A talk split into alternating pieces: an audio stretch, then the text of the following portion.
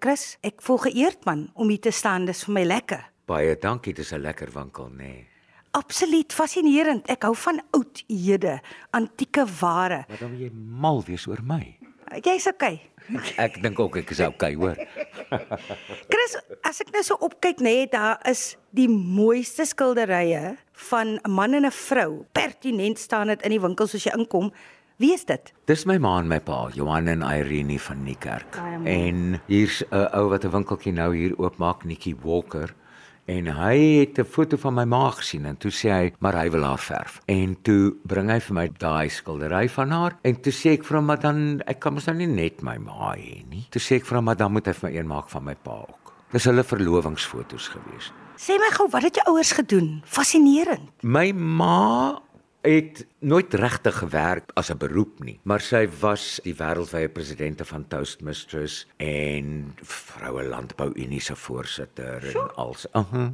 En my pa het vir die munisipaliteit gewerk. Hy was 'n rekenmeester by die munisipaliteit. Jy sien nou, jy weet wat nou in my kop aangaan. Hoe kom jy toe uit op die TV? Daar in hy wêreld drama studeer. Ek het eers gaan PR regte studeer en toe besef ek ek gans te dom om 'n prokureur te wees. en ehm um, toe weet ek eintlik dat ek moes gaan drama swat het al my lewe. My ma het vir ons gedigte voorgeles en ons het 'n klomp boeke gehad in die huis. So ek was werklik geseënd met hoe ek groot geword het want ek is blootgestel aan letterkunde, blootgestel aan mooi musiek en ek het op skool altyd op die konserte gespeel mm. en al daai goed. En dan besluit jy maar, weet jy wat, ek moet iets doen met my lewe mm. en ek moet gaan studeer want my ma het gesê jy moet 'n kwalifikasie kry. Ja, maar jy's baie talentvol. Jy klim binne in 'n karakter in. Jy weet nie jy word half daai karakter en dit verg 'n ekstra skoot talent. Wat jy het. Dankie, Heidi. Iets wat my ma eendag vir my gesê het, is as jy nie die karakter word nie, hoe moet ek glo dat jy daai karakter is?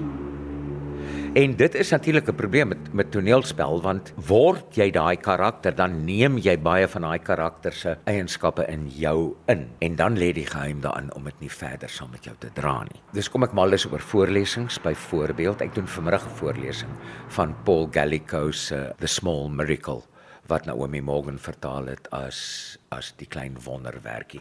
So dan het ek al die moontlikheid in die wêreld om deel te word van daai teks wat voor my is. Mm. En dis vir my lekker. Waar kry jy al hierdie goed? Van waar daai liefde vir oudhede? Staan dit 8. Toe loop ek in Sunnyside in Pretoria en daar staan 'n man en lui 'n klok langs die pad. Um en dit was by Fulminaar Auctions en ek het was staan dit 8. Ek is nuuskierig en ek het ingeloop en ek het gedink, "Hm." En toe begin hulle die klein goedjies opvuil en ek dink ek het R6 of so iets by my gehad. Toe beek op iets. En toe koop ek 'n silwer regte silwer sigaretkoker. En dit is hoe ek begin leer het want my ma het vir my gesê, "Ja, dit is regte silwer want kyk, daar's die leeuetjie." Die leeuetjie se stempel. En daai is waar hy gemaak is en daai want kyk hierso ek het so 'n ou ketting gehad met sulke stempeltjies op. Mm. en 'n locket van haar ma wat ook die al die silwer um, stempeltjies opgehad het. So dis waar dit begin het. Hierdie kas is vol juweliersware. Dit is byvoorbeeld 'n Vesta keis wat hulle genoem het. So hy kom uit Londen. Nee ek lieg hy kom uit uit Birmingham uit 1894 is hy gemaak. En dit is 'n vierhoutjie boksie. So wow. jou vierhoutjies het daarin gegaan.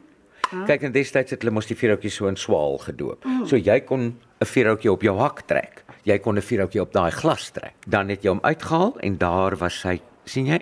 Ja. Daar het jy die vierhoutjie opgetrek so en dan het hy nou gebrand. Ek het gedink is 'n Zippo. Amper soos 'n Zippo, né? Ah. Selfe tipe van ding. Het jy baie persoonlike goed hier binne? Ja, hier's goed van my ma hulle hier. Jy kan nie alles hou nie. En my ma was 'n opgaarder. So my ma het niks weggegooi nie. Toe my pa dood is, het ek en my boetie die goed gedeel, nê? Nee? Ek het soveel goed van my ma hulle gehad. Ek het nog my ma en my pa se morrisstoele wat hulle opgesit het, dis by my huis. So 'n paar goeders wat ek gehou het, net vir die sentimentele waarde daarvan. En omdat dit vir my mooi is en dit is gemaklike stoele. Jong en mense bring vir my goed, jy sien. Dis die wonderlike ding. Mense bring vir my bokse vol goed en sê ek wil dit nie meer hê nie, my huis is te vol. Vat dit net. Dan sê ek maar kan ek nie dan sê hulle nee, ek wil dit nie hê nie. Hoor jy wat ek vir jou sê? Dan verkoop ek daarvan en dan gaan 'n bietjie van die geld gaan vir die SPCA of ek koop hondekos vir ander mense of wat ook al. Vir alles mense vir my goed gee, dan voel ek 'n gedeelte daarvan moet daarom aangaan. Maar hoe besluit 'n mens nou, Chris, wat maak jy watter prys? Dit hang af wat jy daarvoor betaal, onder andere. Kyk, as ek by 'n winkel koop, dan betaal ek hulle prys. Dan as dit 'n bargain vir my is, dan kan ek mos my prys daarop sit. Soms koop jy 'n boks vol goed. Die tannie sê vir jou of die oom sê vir jou, "Oké, okay, gee my prys op daai boks." Of jy koop dit op 'n veiling vir R180 of vir R450 of wat ook al. Dan gaan jy daardeur en dan kom jy agter maar eintlik was dit nogal 'n bargain want jy het daar's goed in wat jy meer geld voor kan vra. Jy prys maar wat jy dink iemand anders daarvoor gaan betaal. Wat was die duurste item wat jy al verkoop het? Verkoop dit. Ja. Of gekoop en verkoop het eintlik. Ehm, um, weet jy seker maar 'n boek, 'n Boek. 'n boek. Ehm um, 'n James Bond boek. Wat ek jare terug, uh, dit was die eerste uitgawe van um, The Man with the Golden Gun. Nou sien ek hulle verkoop hom nou weer ook as die eerste uitgawe, maar daar was eerste uitgawe, eerste printing het hulle net 150 boeke in Engeland daarvan gedruk. En op die buiteblad van die boek was 'n goue revolver gesit. Ja. Nou daai revolver was in Engeland nie stabiel in daardie weer nie. Die goudblad het begin afkom. Toe sê hulle, "Oké, okay, stuur dit Suid-Afrika toe want die lug hier is droog." Toe kry ek een van daai 150 boeke in die hande en toe koop 'n man dit by my vir 'n taamlike goeie prys. Verklap dan, hoeveel? Nee, ek gaan nie. Nie miljoene nie en ook nie honderde duisende nie, maar 'n paar duisend. Ja. Genade.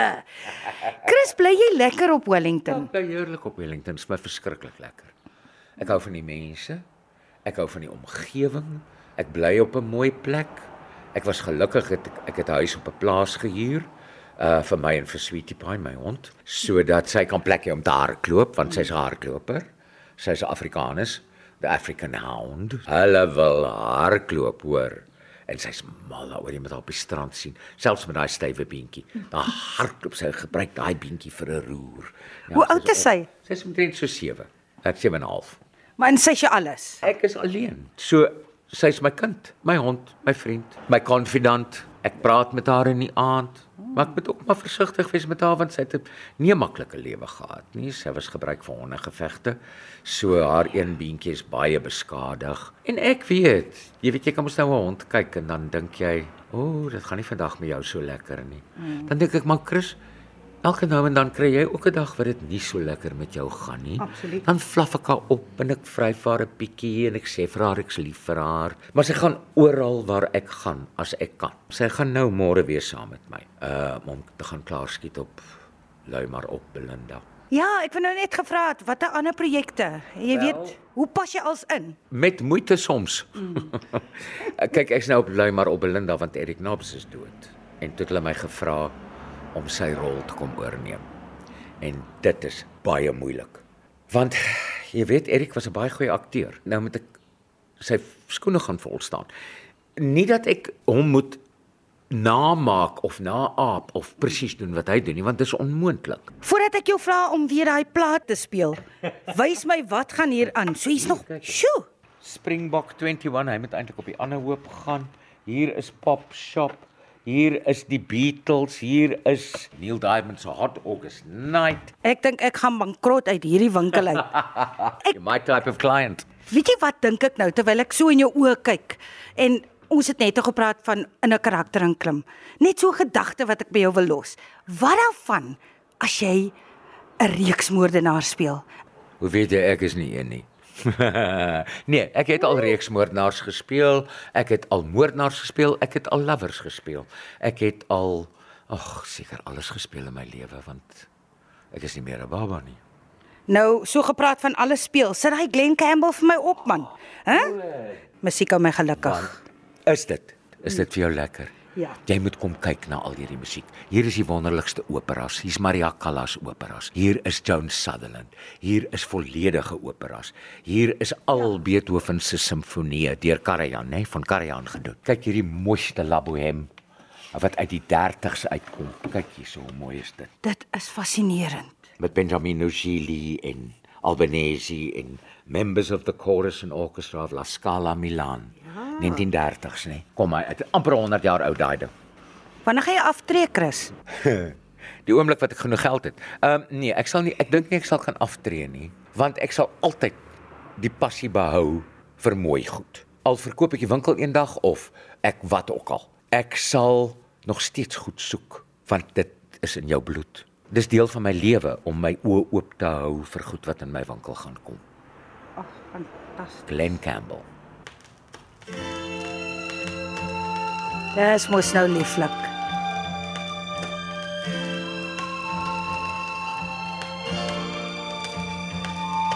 By the time I get to Phoenix, she'll be rising. Dis die lewe. Is dit nie mooi nie? Dis pragtig. She'll find the note I left hanging